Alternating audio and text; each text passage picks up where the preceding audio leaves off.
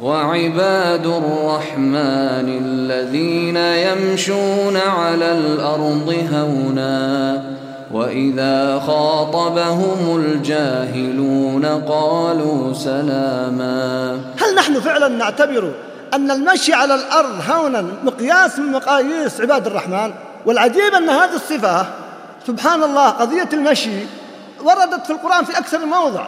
فتجد مثلا لقمان عليه السلام يقول لابنه واقصد في مشيك واقصد في مشيك يعني امشي هونا واغضض من صوتك وتجد أيضا في سورة الإسراء ولا تمشي في الأرض مرحا إنك لن تخرق الأرض ولن تبلغ الجبال طولا.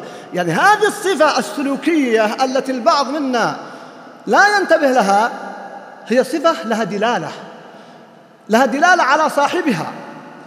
وهذا يجعلني أشير إلى مسألة قد لا تكون مرتبطة بموضوعنا مباشرة لكنها مفيدة للآباء وللمربين وللجميع. ما يسميه البعض بدلالات الصفات أو الأفعال. وقد يطلق عليه البعض ما يسمى بانحراف الزاوية. يعني المشي على الأرض هونا أو الإنسان أسرع لا يعني أنه قد أثم لكن تدل على عقل صاحبها. يعني هذه بعض الصفات التي عند بعض الناس عادية. نعم لا يلتفت لها هي تدل على داخل صاحبها.